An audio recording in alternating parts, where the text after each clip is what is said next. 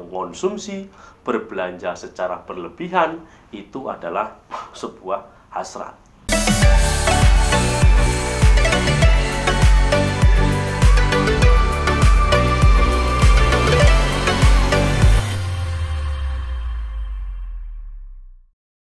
Assalamualaikum guys Masih ingat gak lagunya Linkin Park yang berjudul Breaking the Habit?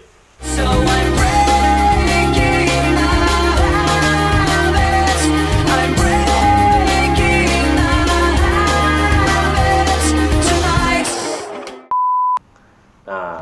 kalian masih ingat dalam lagu tersebut diceritakan oleh lagu itu bahwa ada satu cerita di dalamnya tentang hasrat.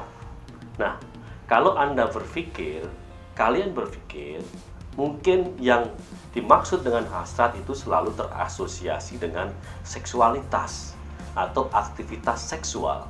Tetapi yang terjadi sebetulnya tidak selalu menuju ke aktivitas yang saya sebutkan sebentar tadi.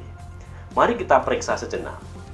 Ada seorang yang terkenal yang bernama Zhang Baotrila.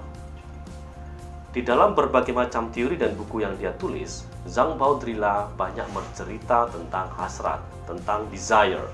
Nah, konteks desire yang dibahas oleh Baotrila sampai kepada titik tertentu, pada level tertentu, kita susah membedakan antara yang sebenarnya dan yang apa namanya yang melebihi atau yang disebut sebagai hiperrealism atau hiperrealitas. Nah, istilah-istilah itu memiliki konotasi yang kuat terhadap modus orang berkonsumsi, modus orang uh, memiliki barang-barang, modus orang mengikuti gaya hidup tertentu, sehingga konteks di mana sebutan hiperrealitas di situ ingin mendudukkan persoalan di mana kekuatan ekonomi, di mana kekuatan diri sebetulnya tidak mampu, tidak sedang punya kuasa untuk dapat menerima dan mengakses sumber-sumber ekonomi termasuk di dalamnya adalah gaya hidup. Sehingga nafsu untuk memiliki, nafsu untuk memakai, nafsu untuk menggunakan tadi disebut sebagai hasrat. Nah, sampai di sini kita menjadi lebih sedikit paham bahaya bahwa yang namanya hasrat tidak selalu berasosiasi dengan hasrat atau nafsu yang berkaitan dengan uh, seksualitas atau seksualisme.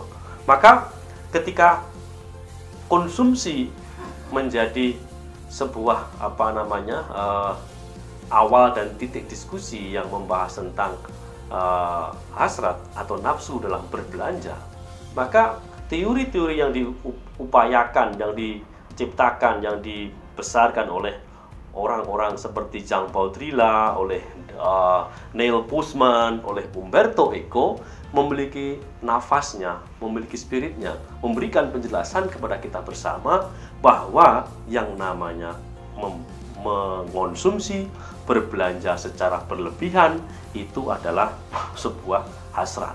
Maka ada hubungannya tadi dengan Breaking the Habit yang dinyanyikan oleh Linkin Park bahwa dalam kehidupan yang serba tidak menentu ini, dalam kehidupan yang sangat vulnerable ini, maka kita harus berani merubah kebiasaan-kebiasaan kita, uh, kemanjaan-kemanjaan kita dengan sebutan sebagai breaking atau memutuskan atau mematahkan, meniadakan yang sudah biasa kita lakukan. Maka apabila kita berani mematahkan, merubah dan mentransformasi, maka kita kembali hadir menjadi orang yang baru. We are born as a new people. We are born as a new human. Oke, wassalam. Wih,